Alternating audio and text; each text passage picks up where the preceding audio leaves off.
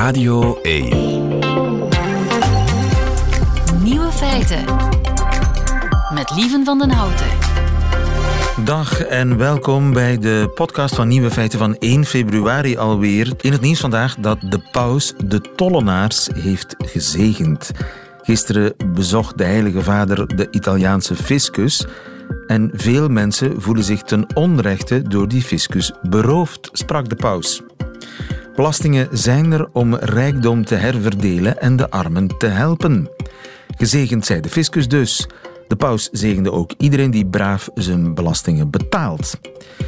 Geen dag te vroeg, want Italië kent veel belastingontduikers. En volgens het vorige hoofd van de Belastingdienst is dat net omdat Italianen zo katholiek zijn. Want belastingontduikers moeten gewoon berouw tonen en hun zonden zijn vergeven. Dat zei ze ooit in een interview. De paus heeft dat probleem nu opgelost. Voortaan gaan Italianen knielend hun belastingen betalen, toch? De andere nieuwe feiten vandaag. In het holst van de nacht heeft de regering beslist hoe ze onze torenhoge energierekeningen draaglijker gaat maken. Maar is dat ook gelukt? Over het aantal truckers dat in Canada in konvooi naar de hoofdstad is gereden uit protest tegen de coronamaatregelen doen de wildste geruchten de ronde. Voer voor onze nieuwe feiten checker. En in China is een poezen- en hondenboom aan de gang. Dirk Drouwlands beantwoordt dan weer deze vraag van een luisteraar: waarom hebben geiten horizontale en katten verticale pupillen? En de nieuwe feiten van Nico Dijkshoorn, die zult u horen in zijn middagjournaal. Veel plezier. Tijdelijke btw-verlaging van 21 naar 6 procent op elektriciteit en een eenmalige verwarmingspremie van 100 euro per gezin. Daarmee wil de federale regering iets doen aan de torenhoge energiefacturen van heel veel mensen. Goedemiddag, uh, Luc Pauwels. Goedemiddag, lieven. En goedemiddag, Ivan de Vadder. Dag lieven. Beiden van uh, VRT Nieuws. Veel mensen hebben de voorbije maanden hun energiefactuur met honderden euro's per maand zien stijgen. Verwarmen wordt een luxe, ook voor mensen uit de middenklasse. Heeft de regering dat probleem nu gefixt, Luc? Voor een deeltje, want je zegt het zelf, honderden euro's per maand. De verwarmingspremie is 100 euro eenmalig. De BTW vermindering van 21 naar 6 procent loopt vier maanden en zou voor een gemiddeld gezin 65 euro opleveren. Dus samen 165. Dat wordt weggeveegd in één klap met één voorschotfactuur per maand die 2 tot 300 euro kan stijgen natuurlijk. Dus dit is een doekje voor het bloeden. Wel, ze proberen en het is moeilijk natuurlijk. Je moet je begroting ook bekijken, dat die niet nog meer in het donkerrood gaat en dat dat dan in een grote bocht via belastingverhogingen toch bij ons terug terechtkomt. En dat is het evenwicht dat deze regering moet zoeken. Hè. Ze doen ook nog een aantal andere maatregelen. Ze gaan zorgen dat uh, bijvoorbeeld een aantal vroegere crisisbelastingen voor de mensen die minder dan 3500 euro bruto per maand verdienen ook verdwijnen. Ze doen ook een inspanning met dat zogezegde sociaal tarief, waar ze ook mensen die minder inkomen hebben nog tot en met juni aan een veel lagere prijs uh, laten hun Just, energie ja, maar kopen. Die, die hele grote groep middenklasse, lagere middenklasse of gewoon middenklasse tout court, die plotseling ja, honderden euro's per maand moet... Uh, dat zijn de leuke dingen in het leven, hè, waar je geld aan geeft. Die, die, die laatste 200, 300 euro ja, en ik geef daar nu ook minder geld aan aan die leuke dingen. Ja. Omdat ik, ja, het, het, het, treft inderdaad ons allemaal. En het is niet weinig. Hè. Als je onze regulator, bewaker van de energiemarkt, de VREG hoort, die zei al vorig jaar, er is 2500 tot 3000 euro bijgekomen. Toen al, vorig jaar. Dit jaar ziet het, ziet het er naar uit dat we ook nog op een hoog niveau gaan blijven. In januari is er met één klap opnieuw, zijn er met één klap opnieuw tientallen procenten tot 40, 50, 60 procent bijgekomen op de energiefacturen. Zelfs tot 70 sommige leveranciers. Dus je ziet welke kant dat het opgaat. Ja. Hè. Een doekje waar de regering toch heel veel tijd voor nodig had, hè, Ivan? Ja, heel veel tijd. En, en dat heeft eh, met een aantal uh, factoren te maken. Um, in de eerste plaats is het de uitgangspositie, zoals Luc daarnet ook zei. Wat we meer binnenkrijgen via de BTW onder meer, omdat de energieprijzen zijn gestegen en dus je eigenlijk meer inkomsten hebt bij de overheid, dat willen we teruggeven. Hè. Dit plan kost 1,1 miljard en 800 miljoen van die 1,1 miljard hebben we eigenlijk te veel betaald omdat we meer betalen voor die BTW. Dus de overheid legt 300 miljoen mee op de tafel. Um, waarom duurt het ook nog lang? Dat is omdat dit niet in het regeerakkoord stond. Dat is meestal simpeler. Dan staat er een tekst al klaar en dan weet je uh, wat je moet doen. Maar ook dan is er veel discussie. Maar hier is een discussie geopend door uh, de CD&V-minister van Financiën, uh, Vincent van Petegem, op 12 januari. Die zei, ik wil iets doen en ik wil dat doen via de BTW-verlaging. En dan krijg je natuurlijk een discussie waarbij elke partij, zeven zijn er in die regering, zijn eigen manier uh, bedenkt om daar iets aan te doen. Elk werkt voor zijn eigen achterban. Ja. En dan krijg je deze discussie die wel wat tijd vergt om tot een goed einde te brengen. Wat ik niet zo goed begrijp is, die, die, het zijn vooral die gasprijzen die heel hoog zijn. Daarop moeten wij nog eens 21% btw betalen. Ja, uh, is dat niet... Kun je daar nu tegen zijn om tijdelijk die 21% op gas te verlaten? Uh, nee, je kan daar niet tegen zijn. Maar, maar toch zijn er heel veel mensen tegen, kennelijk, want er is geen akkoord. Die BTW op, op gas blijft op nee. 21 procent. Omdat je natuurlijk ook met een, een begroting zit en dat die rekening uh, moet kloppen. Maar in C is dat de crux natuurlijk. En dat is iets dat je niet op korte termijn doet. Daarvoor moet je nog veel langer rekenen. Als je zegt van we gaan nu voor eens en voor altijd die 21 procent die we heffen op energieproducten, wezen het nu elektriciteit elektriciteit en gas. We gaan die verlagen naar 6%. Ja, dan moet je wel kijken hoe je dat op termijn gaat recupereren. Want je gaat dat op een of andere manier terug moeten betalen. Voor een stukje door de hogere prijzen en dus hogere BTW. Maar je moet dat ook op andere manieren gaan recupereren. En dat is de lange oefening. Dus in C is niemand daar tegen. Maar je moet het natuurlijk tot een goed einde brengen. En nogmaals, iedereen werkt voor zijn eigen achterban. Ik geef een voorbeeld, lieven. Het feit dat er een verwarmingspremie is van 100 euro, heeft natuurlijk ook te maken dat in Franstalig België, vooral in Wallonië, er veel minder gasaansluitingen zijn. Het grootste deel, twee derde daarvan, ligt in Vlaanderen. 20 procent in Wallonië, 10, 12 procent in, in, in Brussel.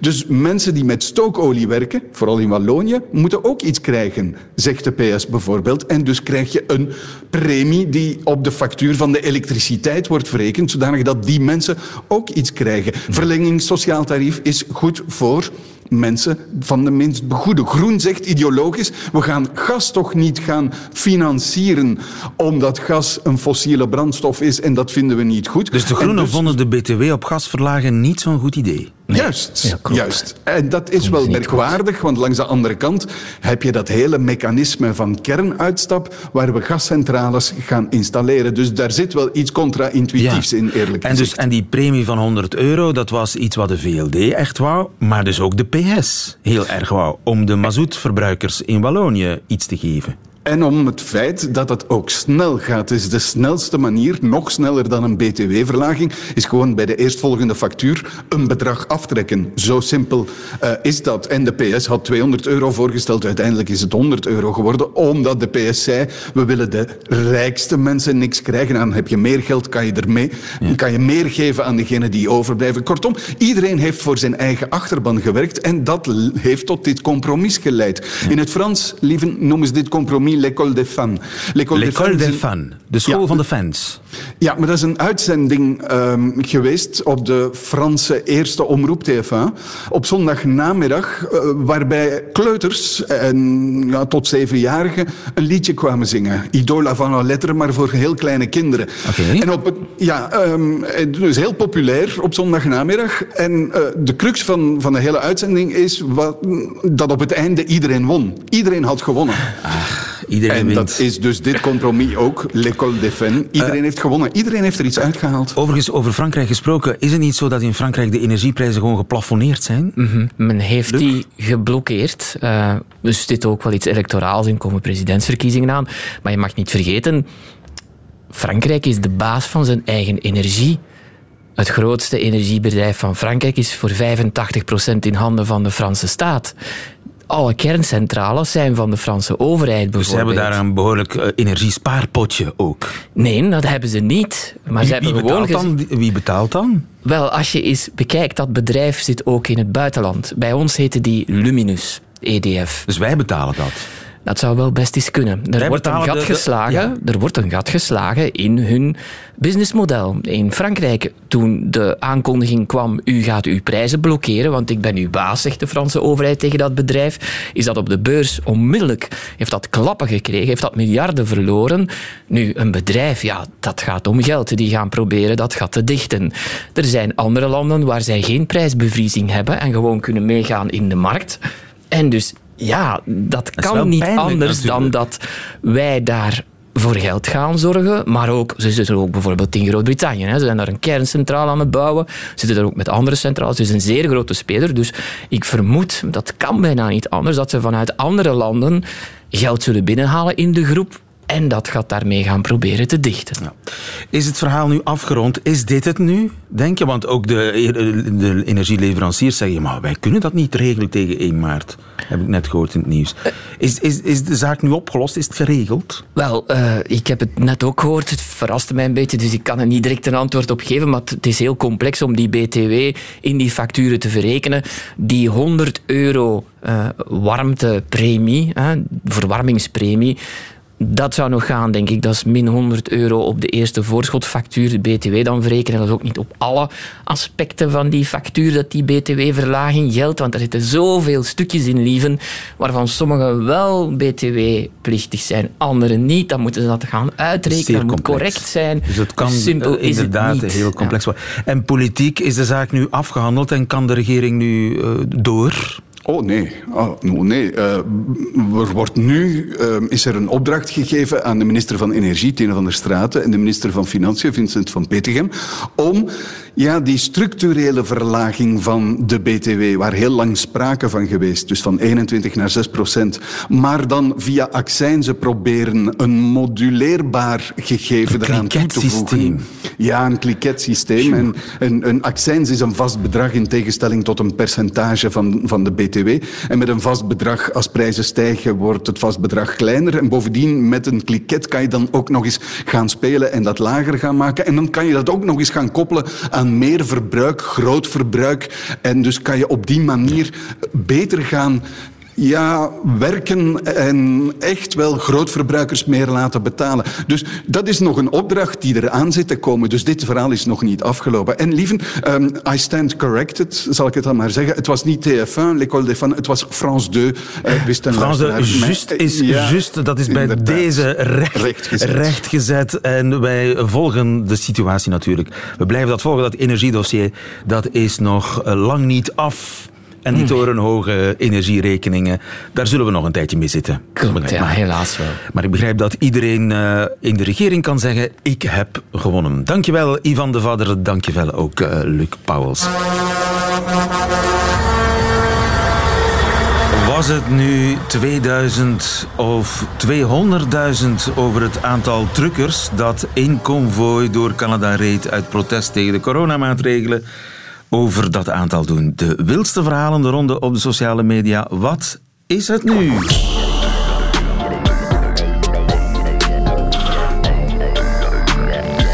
De nieuwe feitenchecker. Rien Emery, goedemiddag. Goedemiddag. Revolutie in Canada en onze mainstream media weigeren om erover te berichten. Dat kon je lezen op vele sociale media de voorbije dagen, weken. Ja. En dan aan jou oh, de vraag, wat is er van aan van die revolutie in Canada?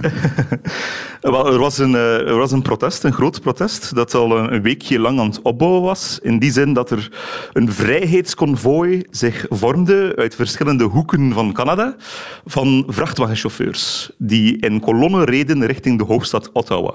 Um, en dat is ook echt gebeurd. Uh, er zijn vanuit verschillende provincies, en Canada is natuurlijk een gigantisch groot land, uh, ja, vrachtwagenchauffeurs vertrokken, um, georganiseerd in kolonnen, zijn ja, gereden naar de hoofdstad, dat klopt ook allemaal.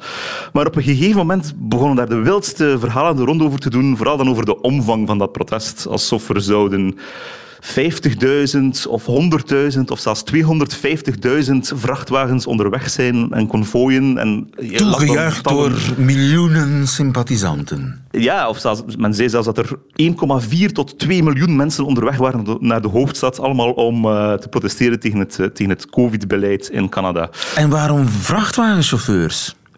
Wel, waarom vrachtwagenchauffeurs? Op 15 eh, januari is er in Canada een nieuwe regel ingegaan waarbij dat vrachtwagenchauffeurs die grenzen overschrijden, natuurlijk die rijden van hot naar her, um, dat die moeten gevaccineerd zijn. Dus dat ze moesten een vaccinatiepaspoort hebben. Nu, voor meer dan 90% van de chauffeurs is dat geen probleem. Die zijn al gevaccineerd, maar er is natuurlijk een, hardnekkige minderheid ook daar die zich weigert te laten vaccineren en ook zeker tegen die verplichting is. Dus die zijn beginnen rijden naar eh, de hoofdstad. Um, maar ja, het is zoals ik zeg een kleine minderheid. Natuurlijk, onder de bredere bevolking zijn er ook mensen die tegen vaccinatie zijn of die tegen de overheidsmaatregelen zijn, tegen uh, de pandemie. En die zijn langs de kant van de baan beginnen die, die kolonnes toejuichen. Men kon die overal volgen op sociale media wanneer die toekwamen, wanneer ze zouden passeren. Men stond dan op bruggen over de snelwegen met vlaggen en spandoeken. Um, dus dat, dat gaf een zeer breed beeld. Maar dus die zijn aangekomen, de mensen in uh, Ottawa, de hoofdstad van Canada, op zaterdag. En toen bleek het maar te gaan om een, een, een aantal duizenden voertuigen, waaronder zelfs niet eens allemaal uh, vrachtwagens, maar ook heel wat pick-up trucks en mensen die gewoon spontaan meereden. Een aantal um, dus duizenden, hoe, hoeveel aantal is dat dan? Het is, het is enorm moeilijk om te weten, omdat ze dus uit verschillende hoeken kwamen. Um, verschillende kolonnes waren gevormd uit uh, hoekjes van Canada. Maar zijn er geen um, officiële cijfers, politiecijfers? Er zijn officiële cijfers. Men, men sprak uiteindelijk van 2700 voertuigen. Um, maar wat is ja, tot honderd keer minder is dan wat je, wat je kon lezen op sociale media. En als je keek naar de livebeelden en zo de helikopterbeelden vanuit uh, Ottawa opgenomen dit weekend, zag je ja, een halfvol plein en de hele Wellingtonstraat voor het parlement van Canada, die stond inderdaad vol met uh, vrachtwagens en was een grote opstopping. En die zijn er nog altijd trouwens. Die, die, dat protest gaat nog altijd door. Het is al heel wat verminderd ondertussen. Dus het is wel een groot protest, um, maar niet de massieve schaal die je kon zien. En ja, hoe komt het dan dat mensen geloven dat er zo'n gigantische massa daar is? Het is heel opvallend hoe dit Canadese truckersprotest um, een, een, grote, ja, een grote faam heeft genomen op sociale media, internationaal. Dus vanuit de Verenigde Staten zijn alle uh, Fox News-commentatoren daarop gesprongen. Er is een, GoFundMe-inzamelingscampagne um, geweest die 8 miljoen Canadese dollar heeft opgeleverd voor de brandstofkosten van die truckers. En elk land, iemand die tegen de coronamaatregelen is, in zijn eigen land, leefde mee met die truckers. En, en, uh, het is ja. een symbool geworden. Onder invloed van geworden. bepaalde Amerikaanse media is het wereldwijd een symbool geworden voor de coronarevolutie. Ja, en het is, het is toch heel opvallend, want het is ook niet de eerste keer dat zoiets gebeurt. Deze keer waren het Canadese truckers. Ja, in oktober was het nog de havenarbeiders in Italië die zich verzetten toen tegen de Juist, Green Pass die daar toen ingevoerd. En men leeft altijd vanuit heel de wereld mee met het, een bepaalde hotspot van, van anti-covid-maatregelen protest die hier komen. En dan neemt dat zo'n enorme proporties aan die er niet zijn in werkelijkheid. En men, men voelt zich misschien in eigen land een minderheid en niet, niet, men luistert niet naar u of men, ja, men maar lacht u een beetje uit en uw betogingen uh, lukken of mislukken soms. Maar als je ziet dat je internationaal ook medestanders hebt, dan, dan, dan, dan leeft dat. En dat is ook de reden dat die protesten dan telkens ja, een grotere naam krijgen dan wat ze werkelijk inhouden. Er was dan ook een verhaal dat Justin Trudeau gevlucht was naar het, de eerste minister van Canada, dat Trudeau gevlucht was naar het buitenland omdat die truckers afkwamen, terwijl hij gewoon, ja, er waren wat bedreigingen geuit en hij had zijn ambtswoning verlaten. Hij zit trouwens in quarantaine, want hij heeft covid momenteel. Hij had zijn ambtswoning verlaten en naar een andere locatie was hij gebracht, die ze niet bekend maakten natuurlijk.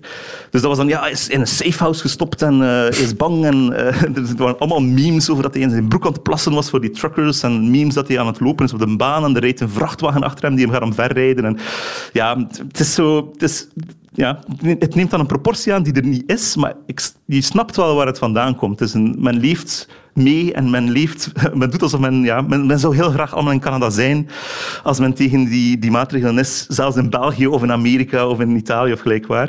Het is zo'n internationale beweging die, ja, die dan meeleeft met elk lokaal protest. Het is heel opvallend.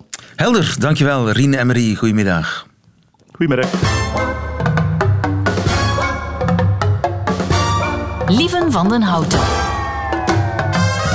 Nieuwe feiten. Radio 1.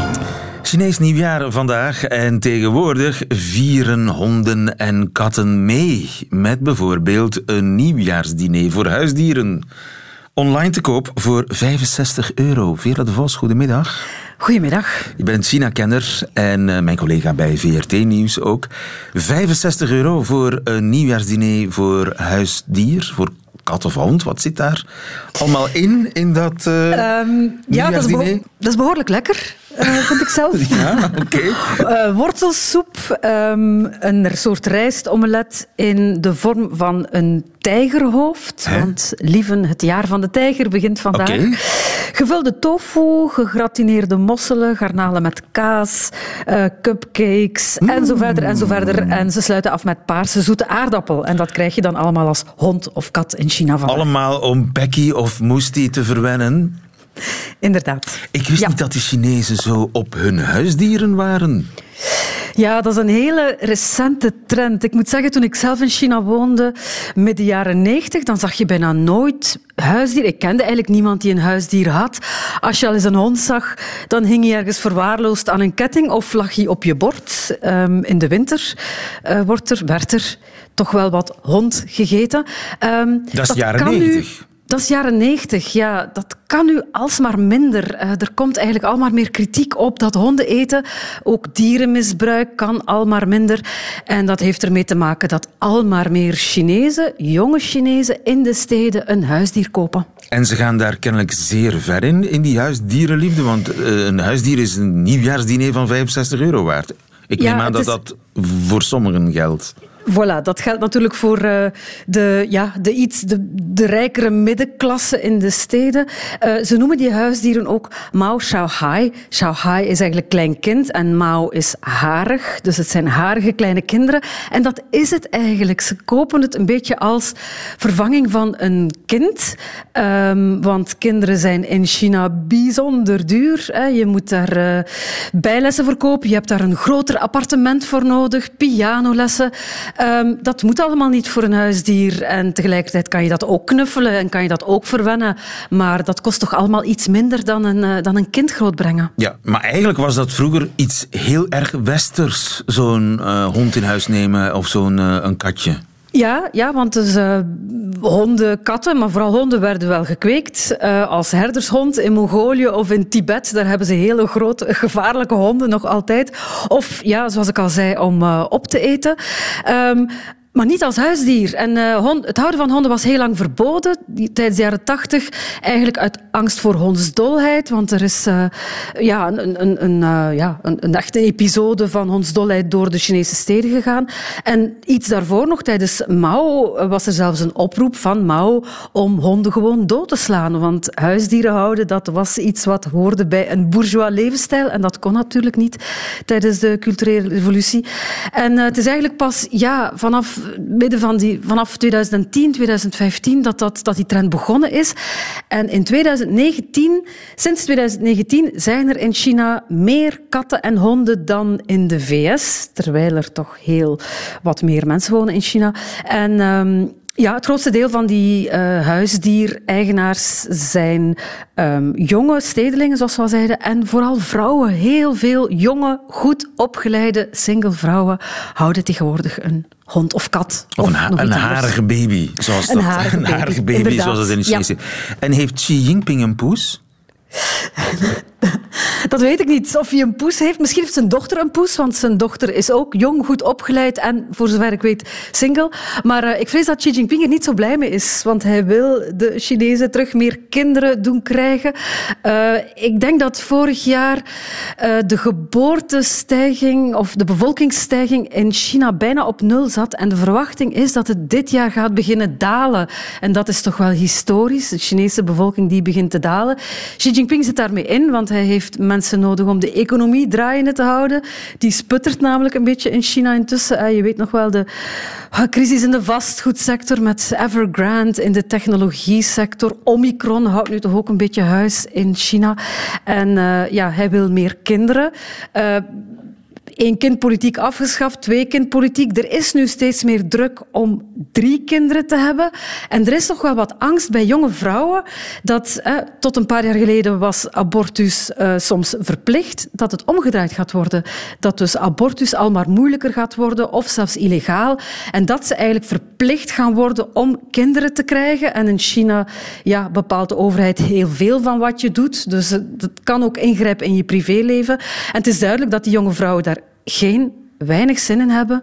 Ze nemen massaal een huisdier. Dus geen babyboom, maar een poezenboom. Ja, en een hondenboom in, in China. Voilà, en ja, wat dan ook weer typisch Chinees is, is dat daar een enorme economie mee gepaard gaat. Uh, tot in het excentrieke. Hè. Je zei het al, dat nieuwjaarsdiner voor honden.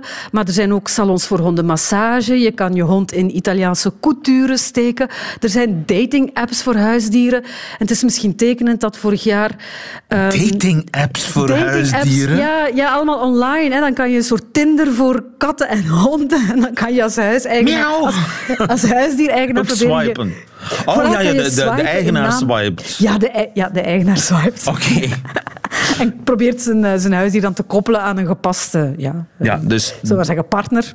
Eh, ze gaan daar op zijn Chinees zeer ver in. Ja. Kunnen ze omgaan met die dieren? Want ja, eh, je moet, je moet die soms aan de lijn houden. De honden kunnen bijten, dat soort dingen. Uh, dat is allemaal heel nieuw. En bijvoorbeeld, tot heel kort werden huisdieren in China nog altijd geclasseerd als vee. Intussen is er een categorie huisdier gekomen. Maar bijvoorbeeld ook je hond aan de leiband houden, dat is nog maar sinds kort verplicht. Dat gebeurde niet.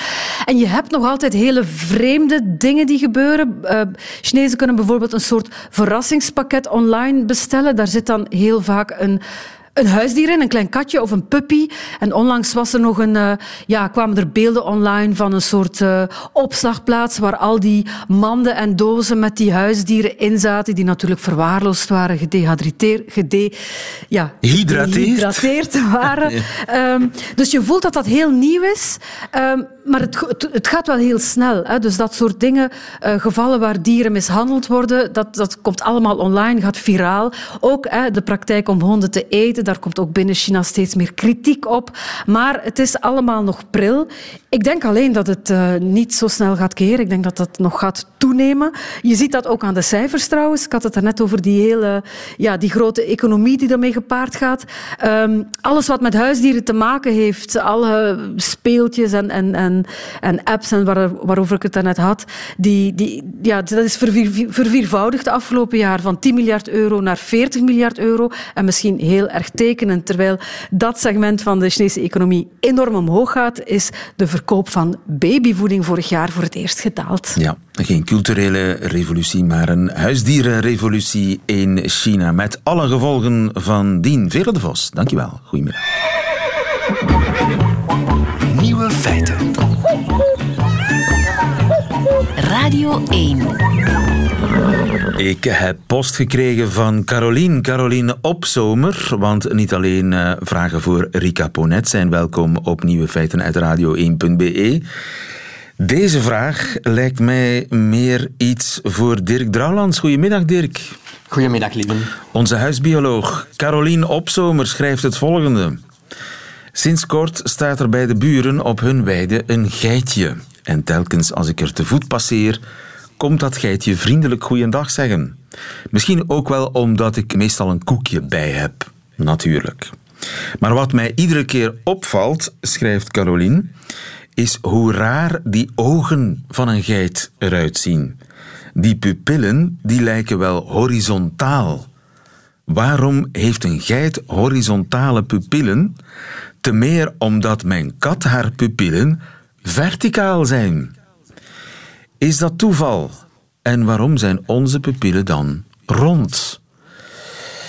Caroline Opzomer vroeg dit op uh, Nieuwe Feiten radio1.be. Heeft u ook vragen voor, om het even wie, voor Nieuwe Feiten zeg maar, dan kunt u uw vraag ook altijd op dat adres achterlaten. Dirk Drouwlands, kun jij daar iets mee met die vraag? Ja, het is een, mooi, een boeiende vraag, hè, omdat ze heel mooi illustreert hoe dat onze onze ja, anatomie, zal ik maar zeggen, onze lichaamsbouw, zich permanent aanpast aan de manier waarop wij functioneren in onze leefomgeving.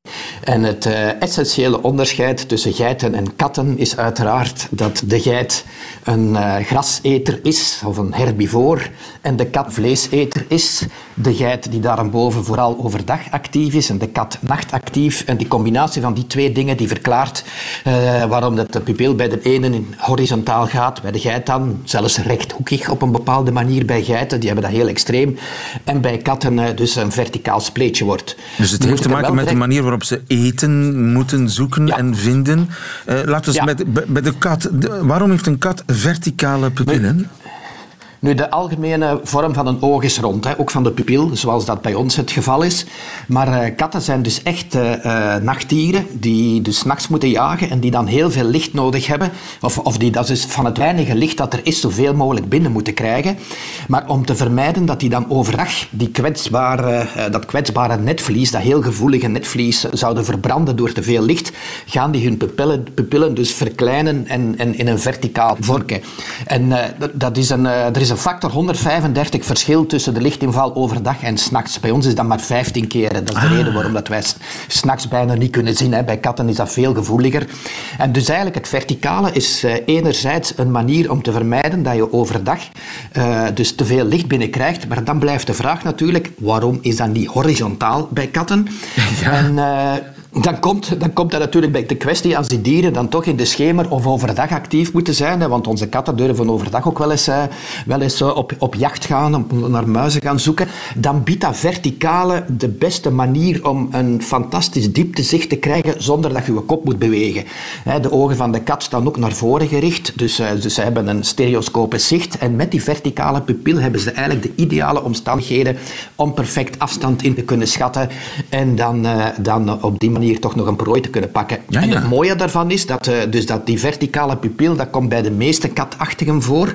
Alleen zijn er een aantal, en vooral de grote katten, bij wie dat, dat, dat toch niet meer het geval is. Leeuwen en tijgers en, en panters bijvoorbeeld, die hebben dezelfde ronde pupil als wij. Oh. Klein, vrij klein, vrij klein ook. Maar die Moeten die s'nachts dan niet jagen? Die jagen meer in de schemer en soms zelf overdag. Plus, uh, die zijn, die zijn, uh, ja, die zijn, laten we zeggen, krachtiger. Dus die kunnen van veel verder springen op een prooi dan een kat die dichterbij moet komen. Dus veel meer belang heeft bij een correcte inschatting van de, van de diepte. En, en bovendien, hoe kleiner een dier, hoe belangrijker dat perspectief-effect van de, van de verticale pupil is. Dus, dus katten hebben dus nog eens verhoudingsgewijs een groter voordeel van een, eh, een verticale pupil, omdat ze zo klein zijn. Ik zal u daar de technische details van besparen. Maar het, eh, het, is een, het is zo een van die typische ontwikkelingen waarin dat je merkt dat biologie ook heel sterk op fysica kan steunen en er dan uiteindelijk toch in slaagt van een heel ingewikkeld systeem perfect uit te bouwen, zodat die dieren optimaal functioneren. Maar dus een ronde pupil, of eh, zoals bij de mens, waarbij die, eh, die uh, kleine rondjes worden soms groter en zo. De range is kleiner tussen donker en klaar.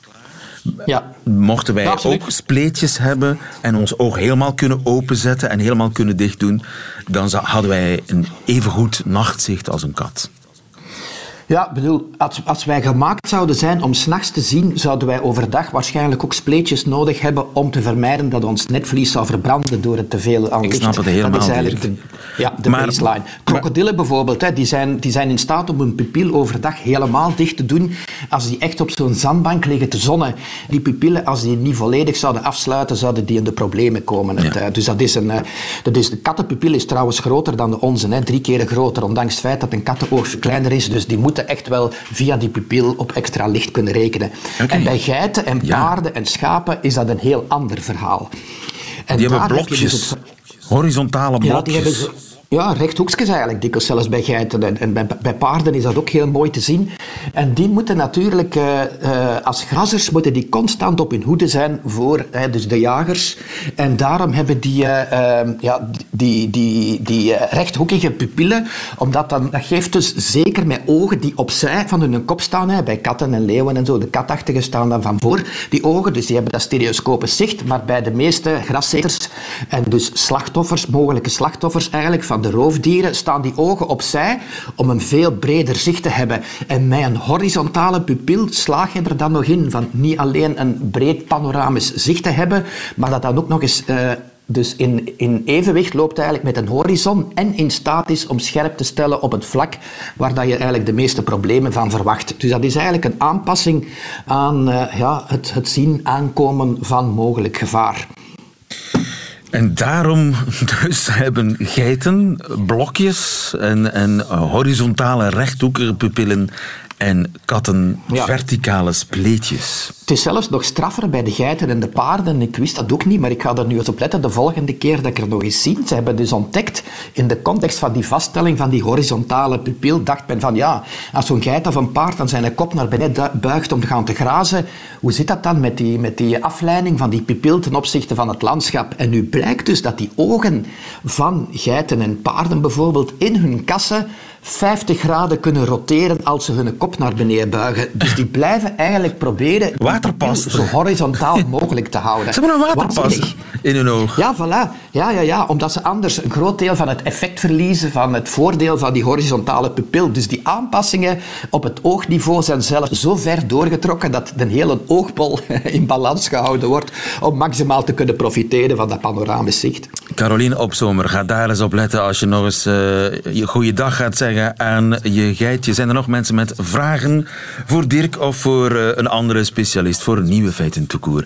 Ze zijn altijd welkom, die vragen op nieuwefeiten.radio1.be. Dankjewel Dirk, tot de volgende. Nieuwe Feiten. En dat waren ze, de nieuwe feiten van uh, vandaag 1 februari 2022. Alleen nog die van Nico Dijkshoren nu in zijn middagjournaal. Nieuwe feiten. Middagjournaal. Beste luisteraars, ik zou zo graag goed willen kunnen dansen met twee andere mannen vlak naast me. En dat we dan wonderbaarlijke dingen doen met onze armen en benen. En dat het dan toch heel prettig is voor u om naar te kijken. Ik heb het dus niet over het zogenaamde freestylen. Ooit uitgevonden de jongens waar geen enkel meisje mee wilde dansen. Ik zag dat soort jongens wel eens tijdens de discoavond in het dorpshuis van Callandsoog. Een badplaats waar mijn ouders een caravan hadden staan. In het dorpshuis danste ik met Connie, die drie caravans verder stond. Frits, een jongen die nog nooit een woord met ons had gewisseld, danste helemaal alleen op een onbegrijpelijk lang nummer van Deep Purple. Wij zagen met z'n allen hoe hij als een slang met handjes en voetjes over de vloer kronkelde. Het was het liedje Child in Time. Ik herinner mij dat hij het stuk waarin de zanger Oeh, zong, heel hard meeschreeuwde en dat hij met zijn handen in de lucht net deed alsof hij een heel ingewikkeld cadeau uitpakte. Luisteraars, zo wil ik dus niet dansen. Om precies te zijn, ik wil dansen zoals die OJ's dansen tijdens het nummer Backstabbers. Of zoals The Temptations dansten op het liedje My Girl. Dat zijn heerlijke dansjes. Drie of vier mannen naast elkaar. En dan precies tegelijk doen alsof je een handdoek oprolt. De linkerknietjes opeens omhoog. En daarna met de rechterarm naar een denkbeeldig vliegje op het plafond wijzen. Maar luisteraars, het erge is, ik heb dit dus al een keer live geprobeerd in het programma De Wereld Draait Door. Ik probeerde synchroon mee te dansen met de Temptations, die op een groot scherm vlak achter mij werden geprojecteerd. Toen ik weer thuis was, vroeg ik aan Tanja of ze het had gezien. Ja, zei ze. Je danste in spiegelbeeld. Daarom wil ik dat nog graag een keer overdoen. Luisteraars, ik ken uw land nog niet zo heel goed. Maar weet u misschien twee leuke Belgen die dat met mij willen doen? Ze moeten niet al te veel haar hebben, want dan ben ik de enige kale. Ik wil graag dansen op Shake Your Body to the Ground van de Jacksons. Hoe moeilijk kan dat zijn? Ik hoor graag van u.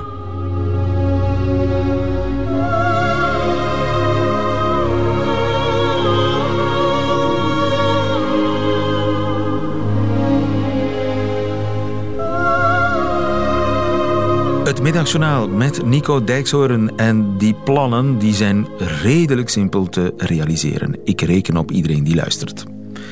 Einde van deze podcast. Hoort u liever de volledige nieuwe feiten met de muziek erbij? Dat kan natuurlijk on demand via onze website of onze app of live op Radio 1 elke werkdag tussen 12 en 1. Tot een volgende keer.